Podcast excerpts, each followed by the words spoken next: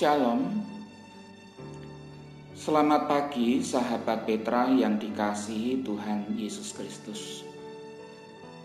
Sudahkah saudara-saudara mengasihi orang lain hari ini? Pada edisi Embun Pagi hari ini, Jumat 3 September 2021, kita bersama membuka dan memulai pagi hari ini dengan mendengar dan merenungkan sabda Tuhan bersama saya, Pendeta Agung Putiarta dari Gereja Kristen Jawa Kebon Agung Minggir Sleman, Yogyakarta. Adapun tema renungan hari ini adalah penciptaan Hawa berdasar dari kitab Perjanjian Lama Kejadian pasal 2 ayat 21 dan ayat yang ke-22. Sebelum mendengar dan merenungkan sabda Tuhan, mari kita terlebih dahulu berdoa. Bapa kami yang ada di surga, terima kasih ya Bapak Engkau selalu mengasihi kami jauh sebelum kami mengenalmu. Terima kasih juga atas kelimpahan karunia yang kau berikan bagi kami pada pagi hari ini. Bapa, sebentar lagi kami akan membaca dan merenungkan firman-Mu. Penuhi kami dengan kuasa roh kudus, supaya kami bisa merasakan kehadiranmu. Kami ingin firmanmu hidup di dalam kehidupan kami. Jangan biarkan firmanmu berlalu begitu saja. Mampukan kami untuk selalu merenungkan dan juga melaksanakan firmanmu setiap hari apa pun tantangannya biarlah firman-Mu menjadi penuntun bagi kehidupan kami. Bapa, dengarlah doa kami ini yang kami alaskan di dalam nama Yesus. Amin. Sahabat Petra yang dikasihi Tuhan Yesus Kristus, Bacaan Sabda Tuhan pada saat ini terambil dari kitab Kejadian pasal yang kedua ayat 21 dan ayat yang ke-22 demikian sabdanya. Lalu Tuhan Allah membuat manusia itu tidur nyenyak. Ketika ia tidur, Tuhan Allah mengambil salah satu rusuk daripadanya, lalu menutup tempat itu dengan daging. Dan dari rusuk yang diambil Tuhan Allah dari manusia itu, dibangunnyalah seorang perempuan, lalu dibawanya kepada manusia itu. Demikian sabda Tuhan yang berbahagia adalah setiap orang yang mendengar merenungkan dan melakukan firman-Nya. Haleluya. Sahabat Petra yang dikasih Tuhan Yesus Kristus, beberapa tahun yang lalu ketika sinode mengadakan pelayanan tukar mimbar sinode GKC dalam rangka HUT sinode GKC saya mendapat kesempatan melayani di GKJ Tangerang. Setelah pelayanan usai, mumpung masih di Tangerang, saya berkeinginan berkunjung ke gereja katedral Jakarta. Ya, karena memang saya belum pernah ke sana. Letaknya Gereja Katedral Jakarta itu bersebelahan dengan Masjid Istiqlal Jakarta. Saya melihat bangunan gereja katedral begitu megah dan luar biasa. berciri Eropa dengan gaya neogotik. Neogotik adalah gaya arsitektur berupa gaya gotik yang berkembang ke arah lebih modern. Pada arsitektur gaya gotik yang asli, langit-langit bangunan dibuat dari batu alam dan merupakan kesatuan konstruksi sebagai penyangga atap. Dibangun oleh seorang arsitek yang bernama Insinyur M.C. Huswit. Bangunan gereja katedral dilengkapi daun pintu yang menjulang tinggi dan banyak sekali jendela Jendela-jendela tersebut dihiasi dengan lukisan yang menjelaskan tentang peristiwa jalan salib yang pernah dialami oleh Yesus Kristus. Tepat di bawah lukisan tersebut, di bagian kanan dan kiri gereja terdapat bilik-bilik yang digunakan sebagai tempat untuk pengakuan dosa Sementara di bagian depan terdapat altar suci pemberian dari Komisaris Jenderal Du Bus de Gesignes. Meskipun sudah berumur tua, meja altar tersebut masih digunakan sebagai altar utama dalam berbagai misa seorang arsitek insinyur MC Huswit sangat ahli pandai merancang bangunan gereja katedral dan menjadi cagar budaya. Sahabat Petra yang dikasihi Tuhan Yesus Kristus, tahukah saudara bahwa kita mempunyai arsitek agung melebihi arsitek-arsitek terkenal saat ini. Tuhan sang arsitek agung yang menciptakan alam semesta beserta seluruh isinya termasuk manusia. Setiap waktu kita dibuat terkagum-kagum dengan kehebatan Allah yang menciptakan alam semesta beserta dengan manusia sempurna. Bahkan manusia itu diciptakan menurut gambar dan rupa Allah yang kemudian disebut dengan imago Dei. Sahabat Petra yang dikasih Tuhan, Ketika Allah sudah menciptakan Adam di kisah penciptaan di kejadian 2, Tuhan Allah mengevaluasinya dan Tuhan berfirman, "Tidak baik kalau manusia itu seorang diri saja, aku akan menjadikan penolong baginya yang sepadan dengan dia." Tuhan ingin agar manusia pertama itu ada penolong yang sepadan baginya. Kalau kita membaca kitab Kejadian di bagian awal, sebagaimana Adam yang diciptakan dari tanah, maka Tuhan pun membentuk segala binatang dari tanah dan diberikan pada Adam untuk menamai dan melihat mana yang sepadan dengannya. Maka Tuhan melihat Adam menamai segala binatang, tetapi Adam tidak menjumpai satupun yang dapat menjadi penolong yang sepadan dengannya.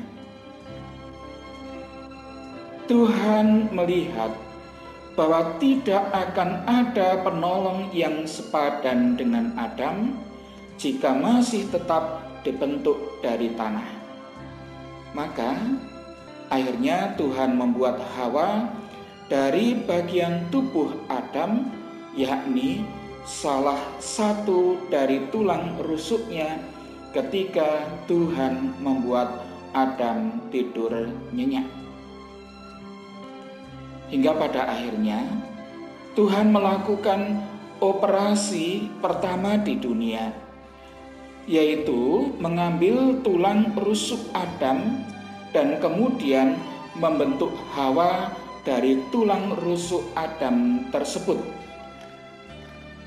Di bacaan firman Tuhan dikatakan kepada kita, lalu Tuhan Allah membuat manusia itu tidur nyenyak. Ketika ia tidur, Tuhan Allah mengambil salah satu rusuk daripadanya, lalu menutup tempat itu dengan daging.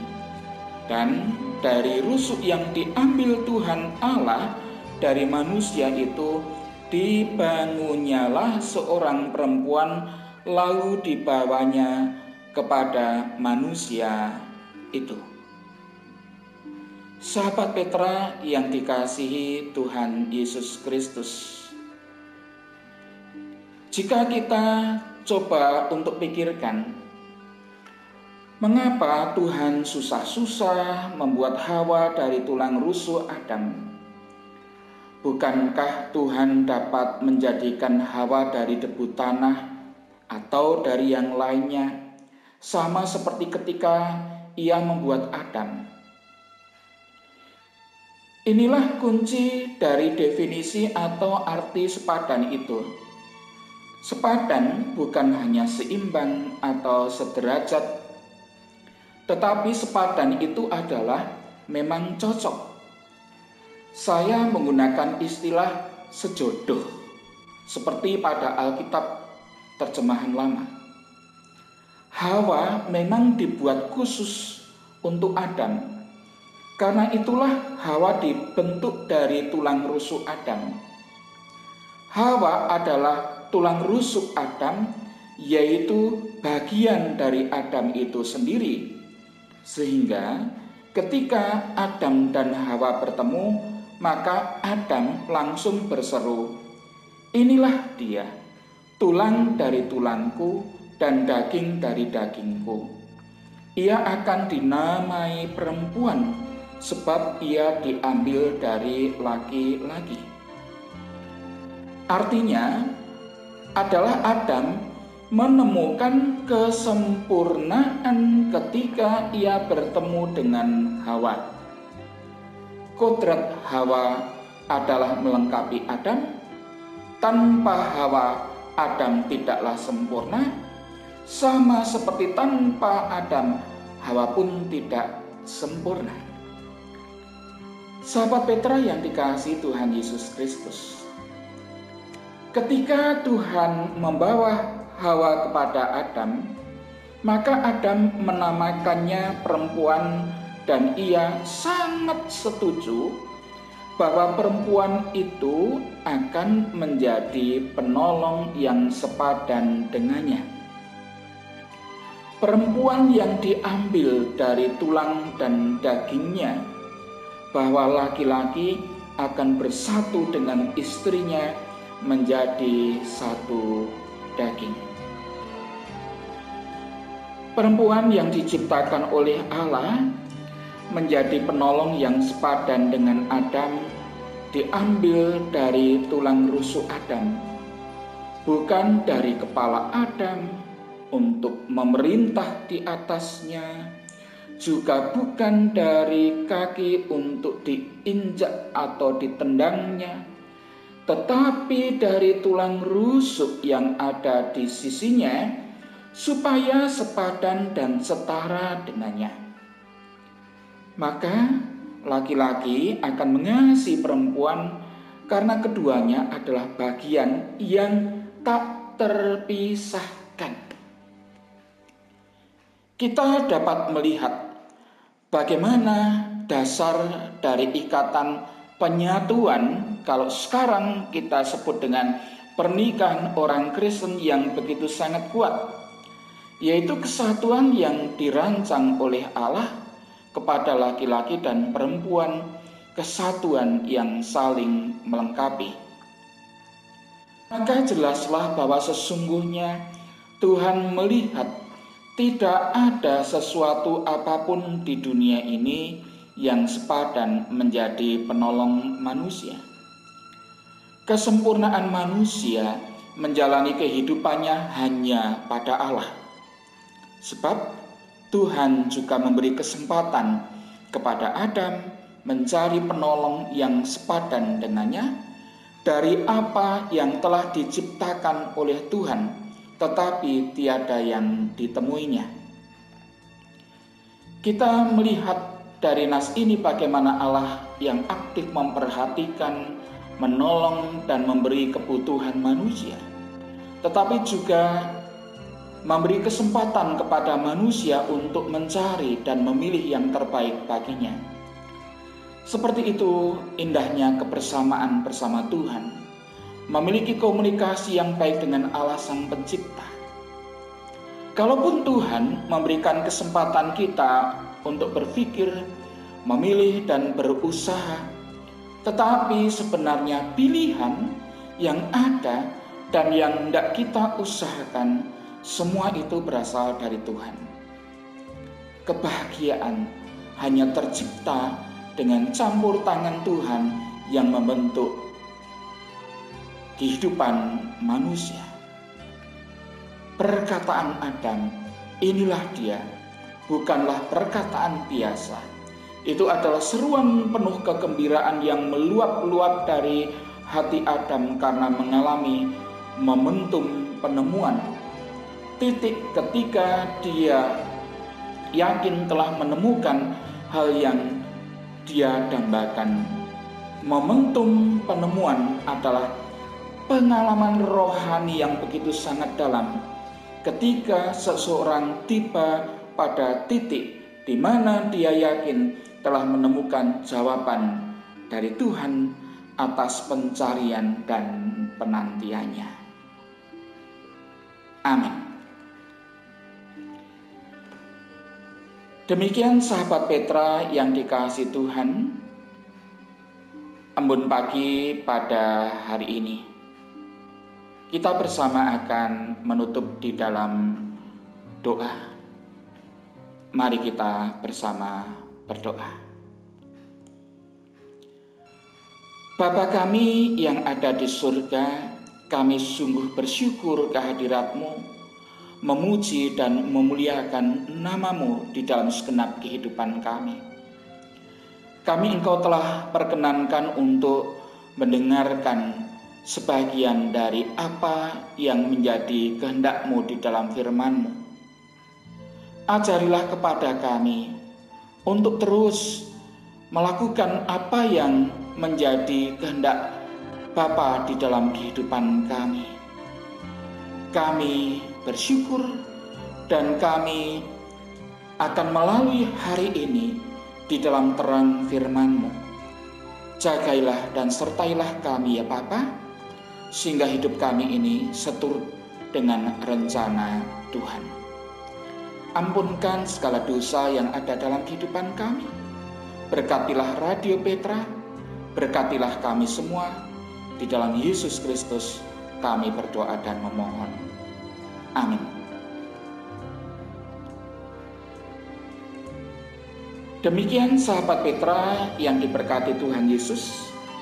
Ambon pagi hari ini Jumat 3 September 2021 Kiranya sabda Tuhan memberikan hikmat, kekuatan, dan penghiburan bagi kita untuk melewati sepanjang hari ini.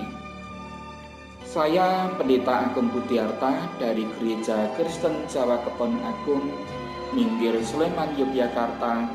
Mohon diri dan mohon maaf bila ada kata yang kurang berkenan.